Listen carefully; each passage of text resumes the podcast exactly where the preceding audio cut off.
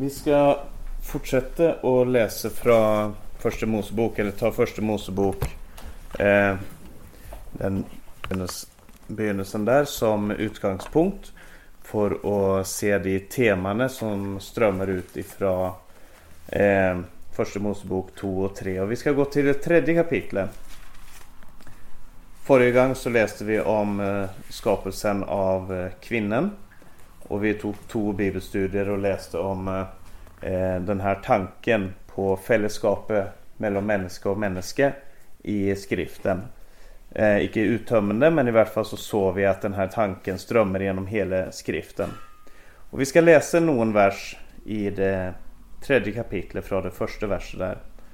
Där står det Men slangen var listigare än alla dyr på marken som Gud Herren hade gjort. Och den sa till kvinnan har Gud verkligen sagt dere ska icke äta av något tre i hagen?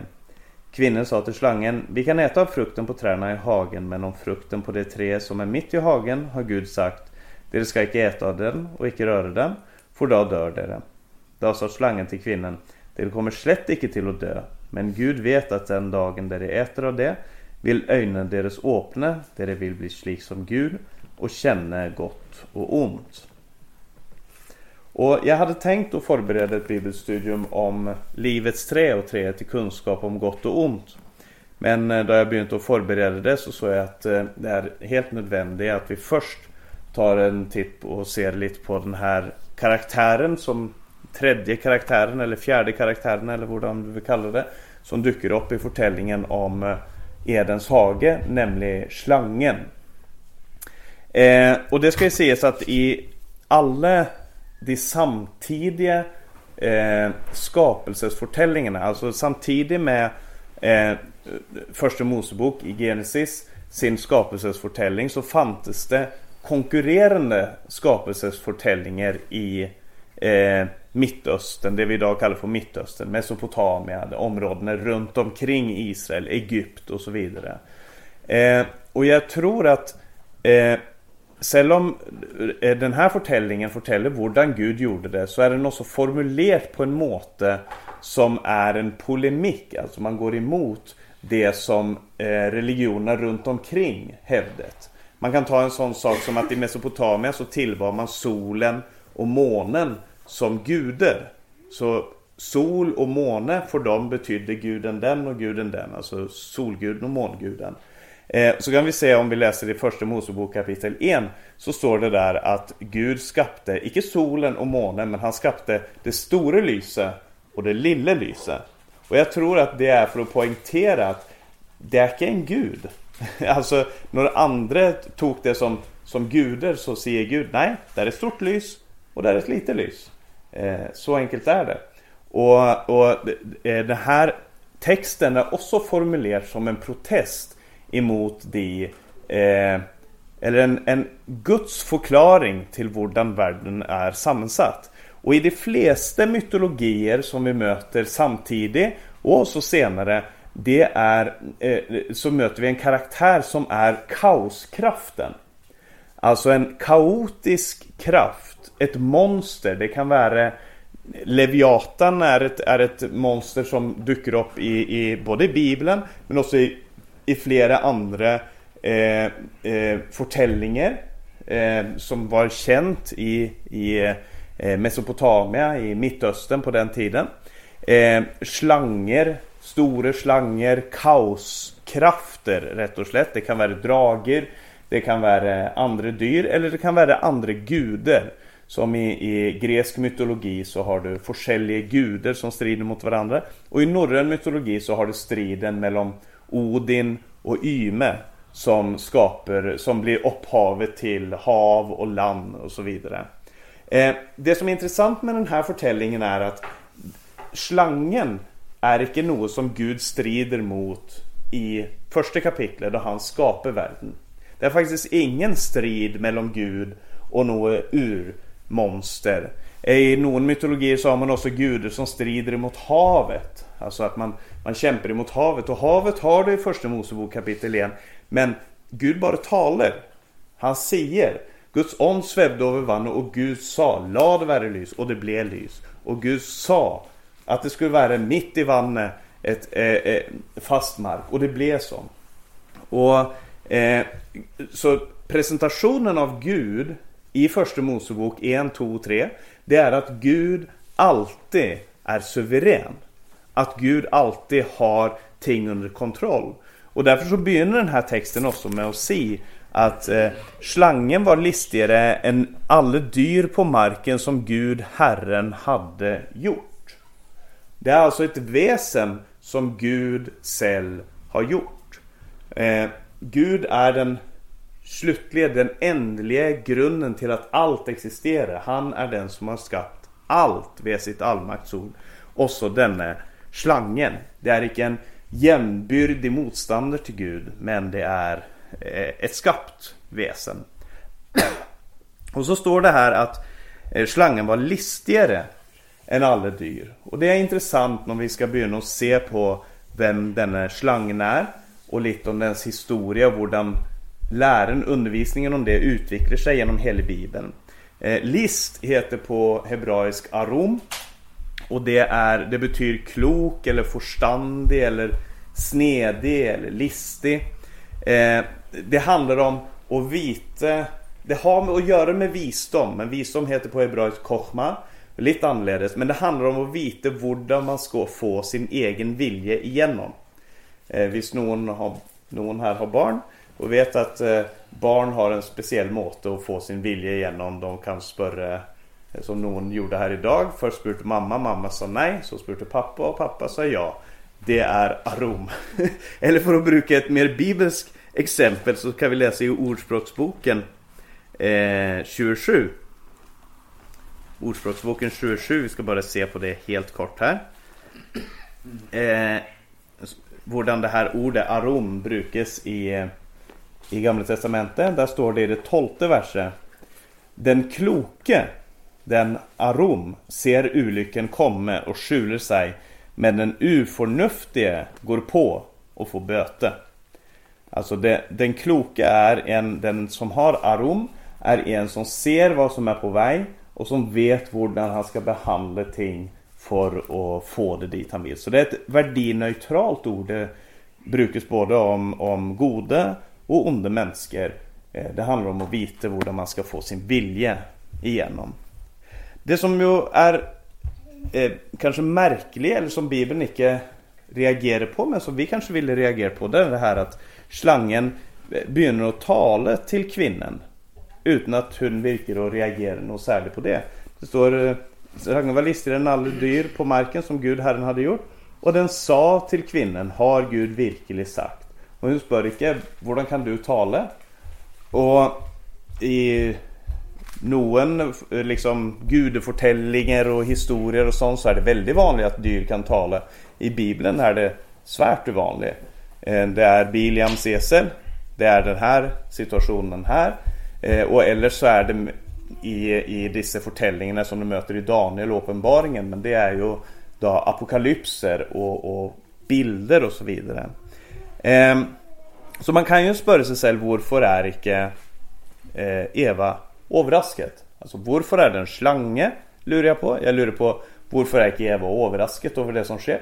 Hur kommer det sig att den slangen kan tala? Hur kommer det sig att den har så mycket visdom? Var kommer den ifrån? Vad är detta för ett väsen? Och för att förstå det så kan vi först se något om vad det här ordet slange betyder på hebraiskt. Det heter nachash.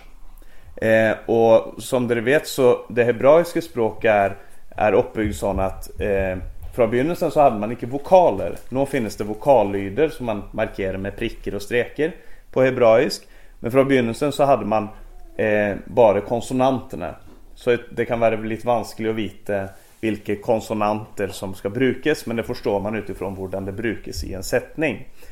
Om det brukas som adjektiv, om det brukas som substantiv eller verb och så vidare. Eh, men det här orden nachash Eh, består av tre bokstäver. Nun, eh, chet och shin. Och de tre bokstäverna de sammansätter eh, tre olika ord. Dels är det det här nachash som betyder, eh, som betyder slange. Men det kan också översättas med bedrager eller en som fortäller om framtiden.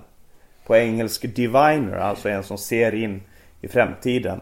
Eh, och, Eh, eller förförer. Eh, och det kan betyda den strålande.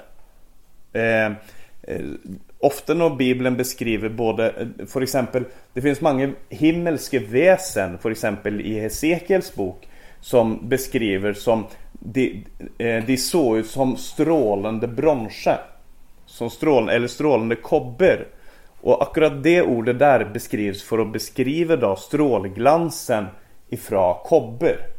Eh, och det brukas ofta faktiskt om himmelska väsner, om keruber, om dessa eh, him, eh, olika himmelska karaktärerna. Och därför så har någon översättare, för exempel International Standard Version, översätter inte eh, slangen var listigare än alla dyr, men den översätter The Shining One was craftier than any animal. Eh, and than any beast. Eh, the Shining One, alltså den skinnande, den strålande. Eh, och i Jesaja kapitel 6 så talas det om dessa seraferna. Det är Jesaja som får ett syn av himmelen. Han ser in i himmelen och så ser han Gud som sitter på sin trone. Och runt om tronen så står det serafer med sex vingar. Och de eh, ropar ut Helig, helig, helig är Herren Sebaot. Hela jorden är full av hans härlighet. Seraf, det betyder, eh, det betyder den brännande.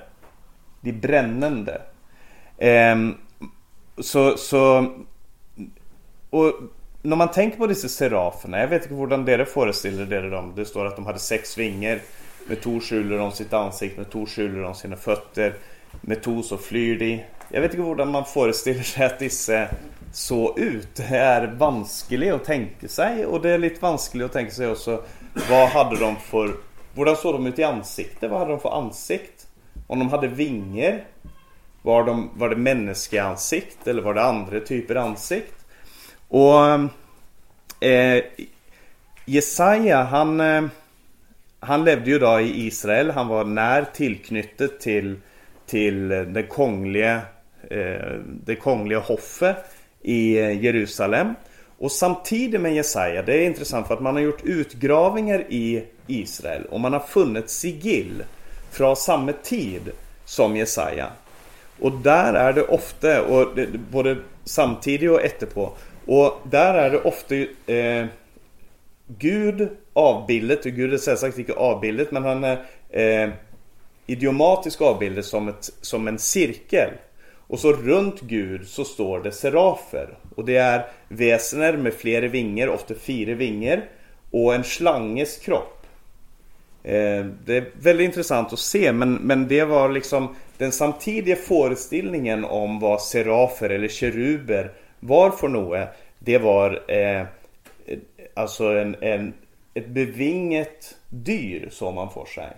Eh, en seraf var en bevinget eh, väsen med slangekropp och eh, äng, eh, vinger rätt och slett.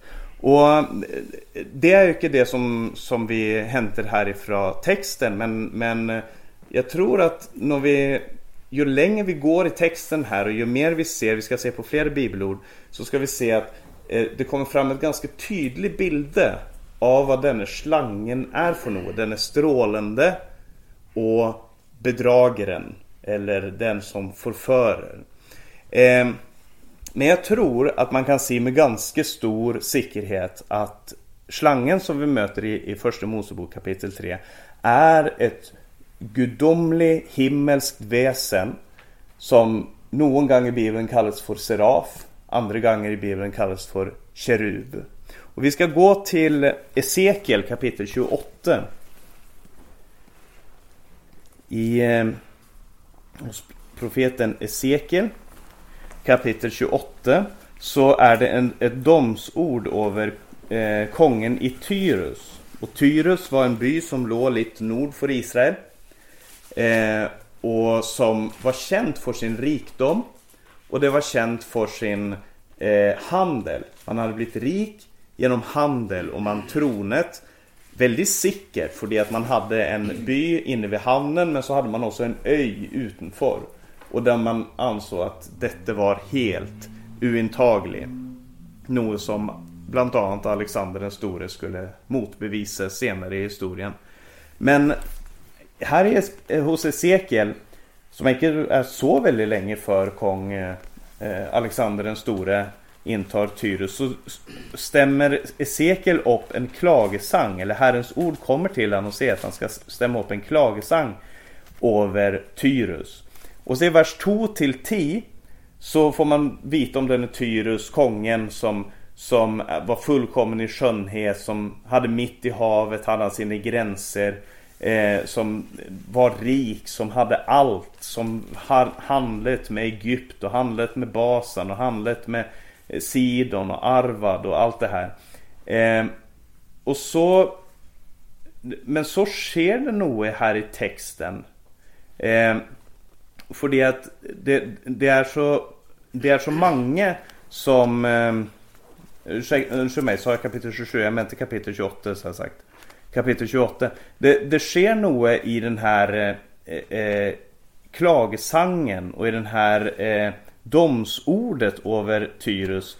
Eh, I kapitel 28 från, vers eh, 2 till vers 10 så beskrivs den här kongen Eh, i Tyrus. Men från vers 11 så virker det som att eh, Esekiel ser bortenfor den här personen.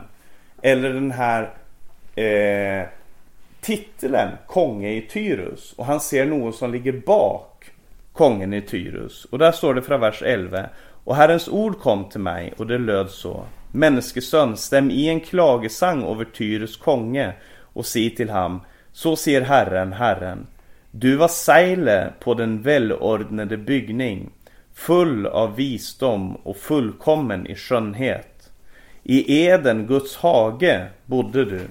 Kostbare stenar däcket dig, karneol, topas, diamant, krysolit, onyx, jaspis, safir, karfunkel och smaragd och gull. Dina trummor och flöjter var i fullt arbete hos dig den dag du blev skapt stod du redo. Du var en salvet kerub med däckade vinger, däckande vingar och jag satte dig på Guds heliga fjäll. Du gick, där gick du omkring bland skinnande stenar. Ustraffelig var du i din färd från den dag du blev skapt till den dag till det blev funnet urättfärdighet hos dig. Vid din stora handel blev ditt inre fyllt med uret och du syndet. Så vanhelget, så vanhelget är dig och drev dig bort från Guds fjäll. Jag gjorde dig till intet, du salvade kerub, så du icke mer fick vara bland de skinnande stenar. Ditt hjärta upphöjde sig för din skönhets skull, du ödelade din visdom på grund av din glans. Jag kastade dig till jorden, jag lade dig ner för kongers ansikt slik att de kunde se på dig med lyst. Vi kan stoppa där.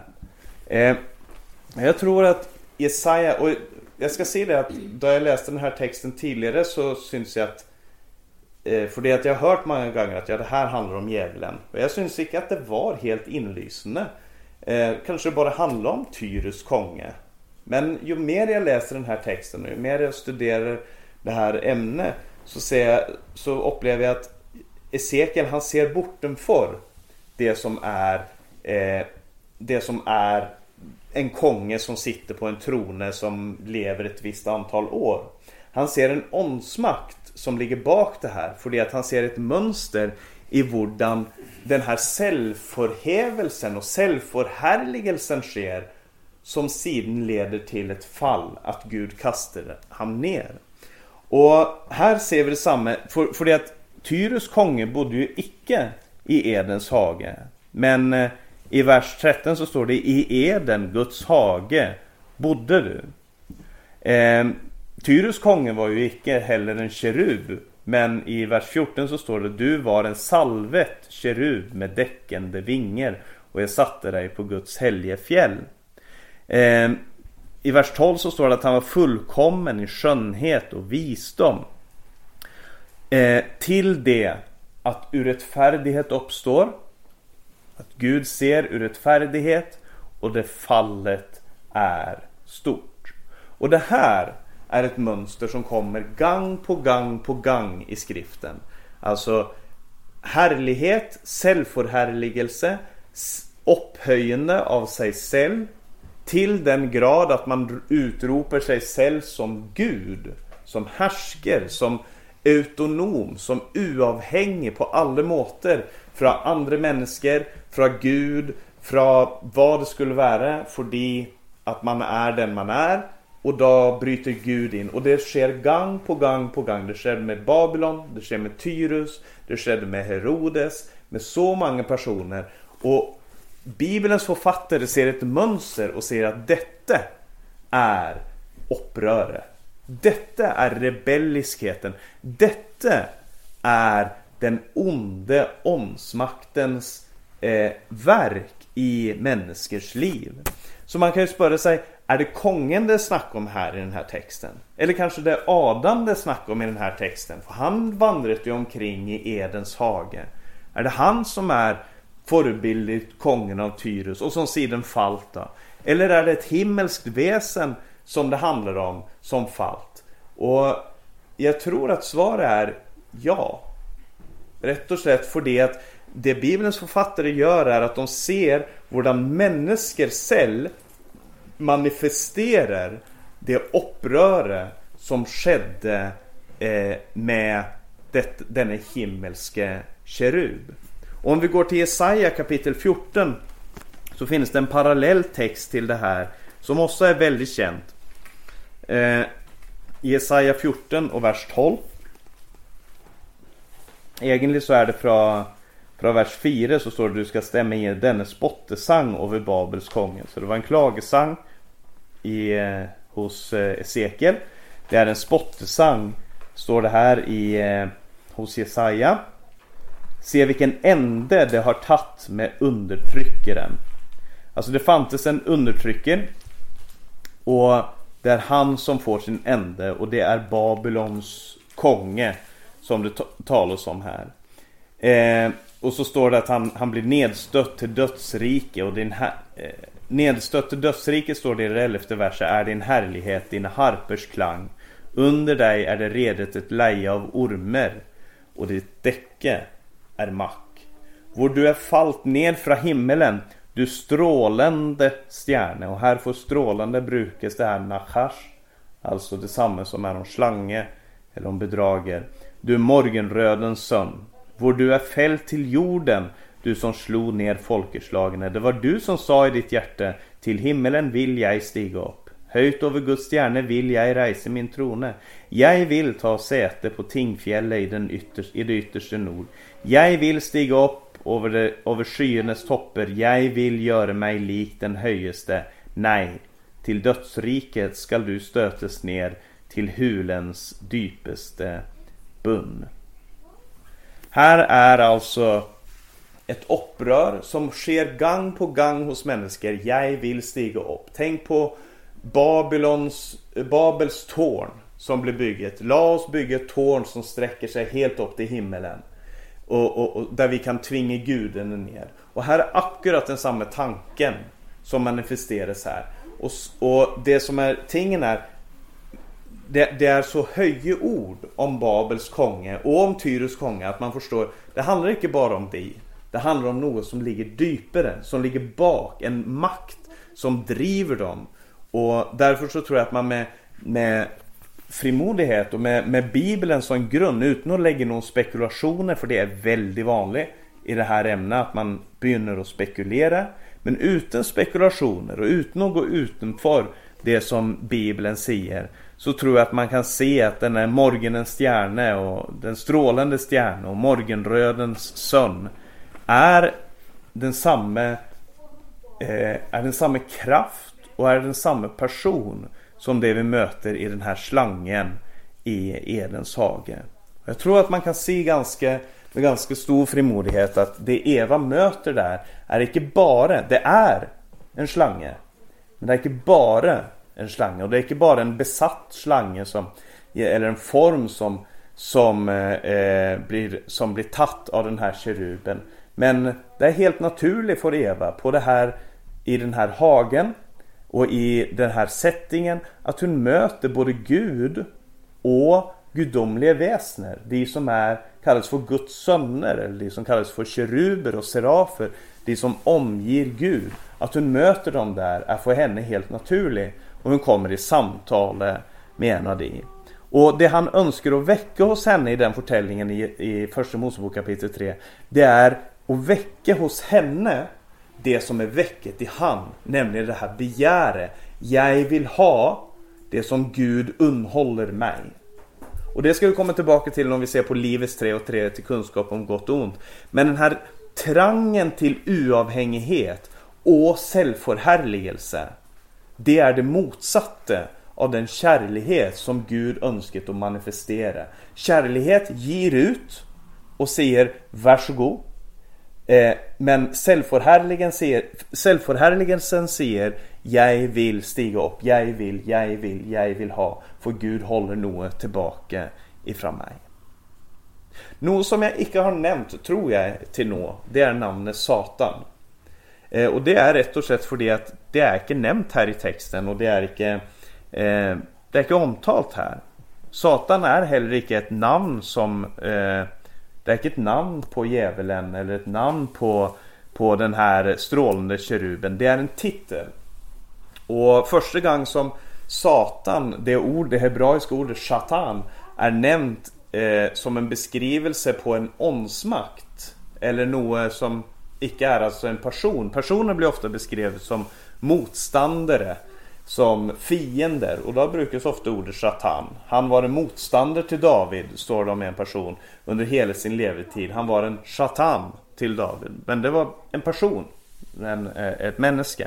Men i första krönikeboken kapitel 12 så står det att en motståndare ägget upp David till att tälla Israels folk. Alltså en satan. Och, och många bibelöversättelser översätter det här med och Satan ägget upp eh, gick till saker mot Israel och ägget upp David till att eh, tälla Israels folk. Så det är, det är det vanliga ordet för motståndare eller anklagen. Och i gamla testamentet så brukas det om den här Guds Gudsonen eller den här kategorien, alltså kerub eller seraf, det här ondväsendet som det är det vi prövar att, att fånga in och få beskrevet med bibelska termer brukas i Jobb kapitel 1 och 2 och i Sakarja kapitel 3. Och vi ska gå till Jobs första kapitel. Och det här är ju sällsagt, eh, och det, det förstår jag absolut, att det här är ju ganska vanskliga ting. Det kan vara eh, slitsamt att gå in i, i det som handlar om vår motståndare. Som handlar om de destruktiva krafterna både i livet, i samfundet, i historien eh, och i framtiden. Men jag tror att det också är en, en välsignelse i att se var vi finner vår trygghet. För det det är väldigt många som talar om Satan, om djävulen, om motståndaren på en måte som gör att de eh, Enten ger han för stor makt Eller eh, Ger han för liten betydning och ser att det, här, det handlar om negativa tankar eller kraft, liksom upersonliga krafter och så vidare. Jag tror att det är viktigt att vi har ett bibelsyn på det här. Eh, och det hämtar vi bland annat härifrån Jobb kapitel 1. Och där kan vi läsa från den sjätte versen. Så hände det en dag att Guds söner kom och stilte sig framför Herren. Och bland dem kom också Satan, alltså motståndaren, anklagaren. Och Herren sa till Satan Var kommer du ifrån? Satan svarte Herren Jag har fartet och flacket omkring på jorden då sa Herren till Satan, har du gett akt på min tjänare jobb för det är ingen på jorden som han, en uklanderlig och rättskaffen man som frykter Gud och håller sig från det onde. Men Satan svarte Herren, men jobb frykter Gud för Mån jobb frykter Gud för intet. Har du icke värnet om ham och hans hus och allt som är hans, som hans är på alla kanter? Eh, hans händers gärning har du välsignet och hans budskap har brett sig vitt ut i landet. Men räck bara din hand ut och rör vid allt det som hans, då vill han få visst sida i farväl lika upp i ansikte. Eh, och så kommer det här, i både kapitel 1 och 2 så möter vi alltså den här Satan, den här motståndaren eller anklagaren. Eh, och man kan ju synas att det är rart för det att vi vet ju att efter Adam och Eva så blir Satan eller slangen dömt till eh, jorden, till stoftet på jorden. Du ska kräla på din buk och du ska spisa stoft ifrån jorden. Eh, eh, stöv ifrån jorden. Och det, eh, då tänker man att ja men då är han ju detroniserad. Vad gör han nå samman med Guds söner och som stiller sig framför Herren? Är det en annan karaktär vi läser om här? Eller är det samma? Är det två olika perspektiv eller vad är det som sker i den här texten? Och det jag tror är svaret på det. För det är att gång på gång så kommer det här tillbaka. Och så i berättelsen om Jesus, i Johannes uppenbaring, gång på gång så kommer det här att djävulen kastas ut. Att djävulen kastas ner.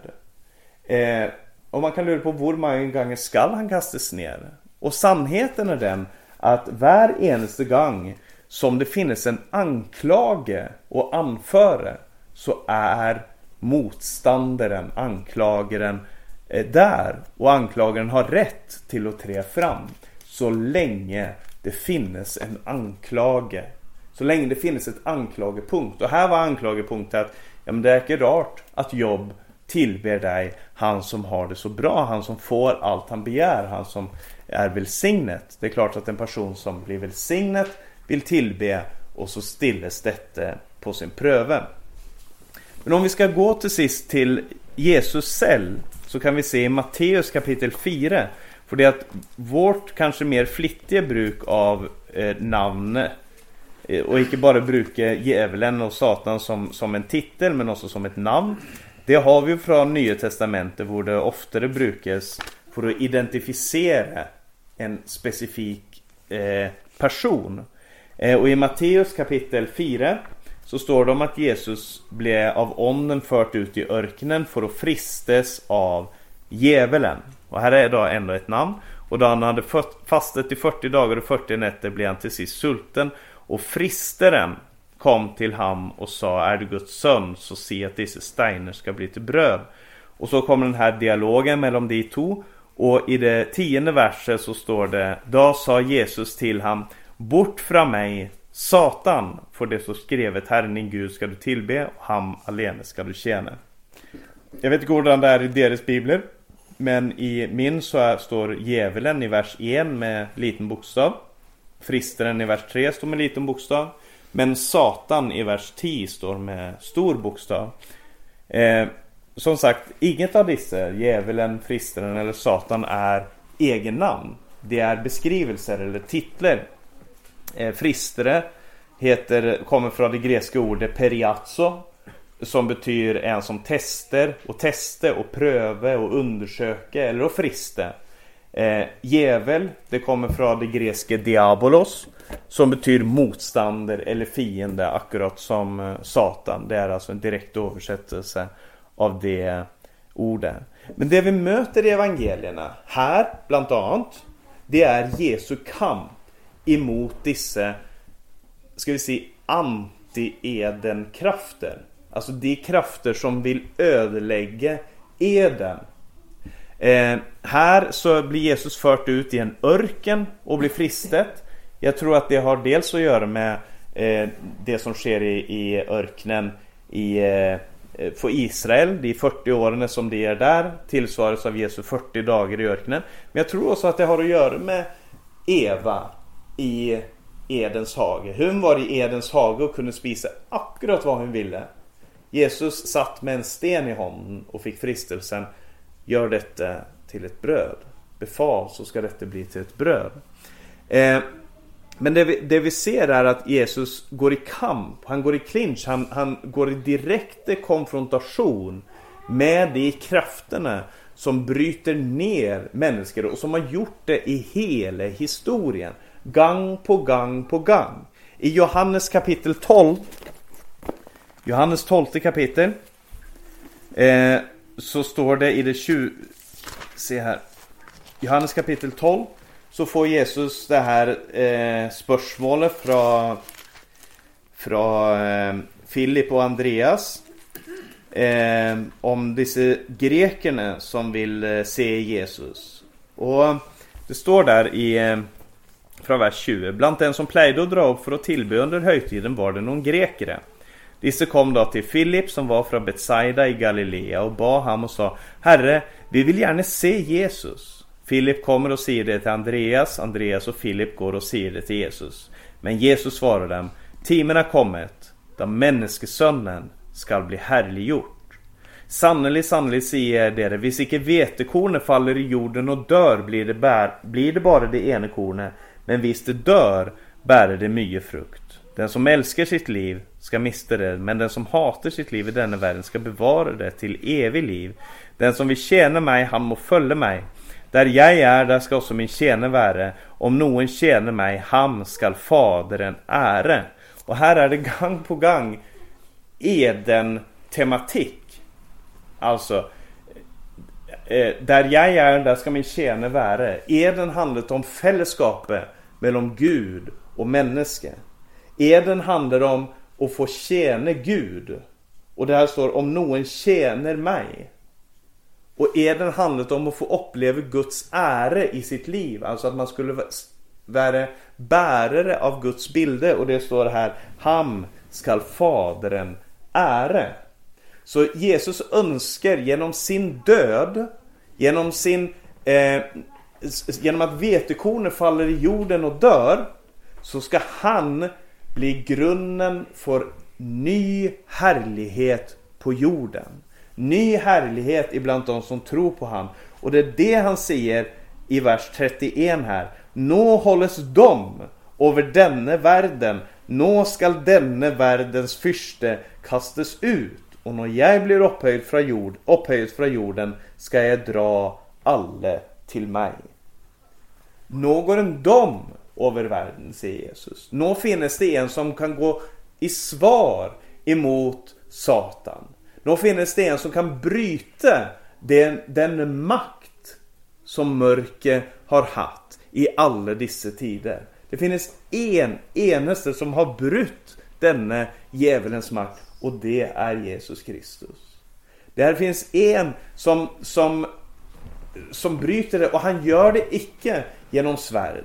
Och Vi ska komma tillbaka till det här nästa gång, Vi blir inte helt färdiga med det här. Men jag ska läsa eh, ett vers till för att se, se hvordan Jesus ser vad som ligger bak intentionerna och vad som är det farligaste av allt för Jesus. För det att Jesus går ut i örkenen och möter djävulen där och han säger 'Vik bort ifrån mig Satan'.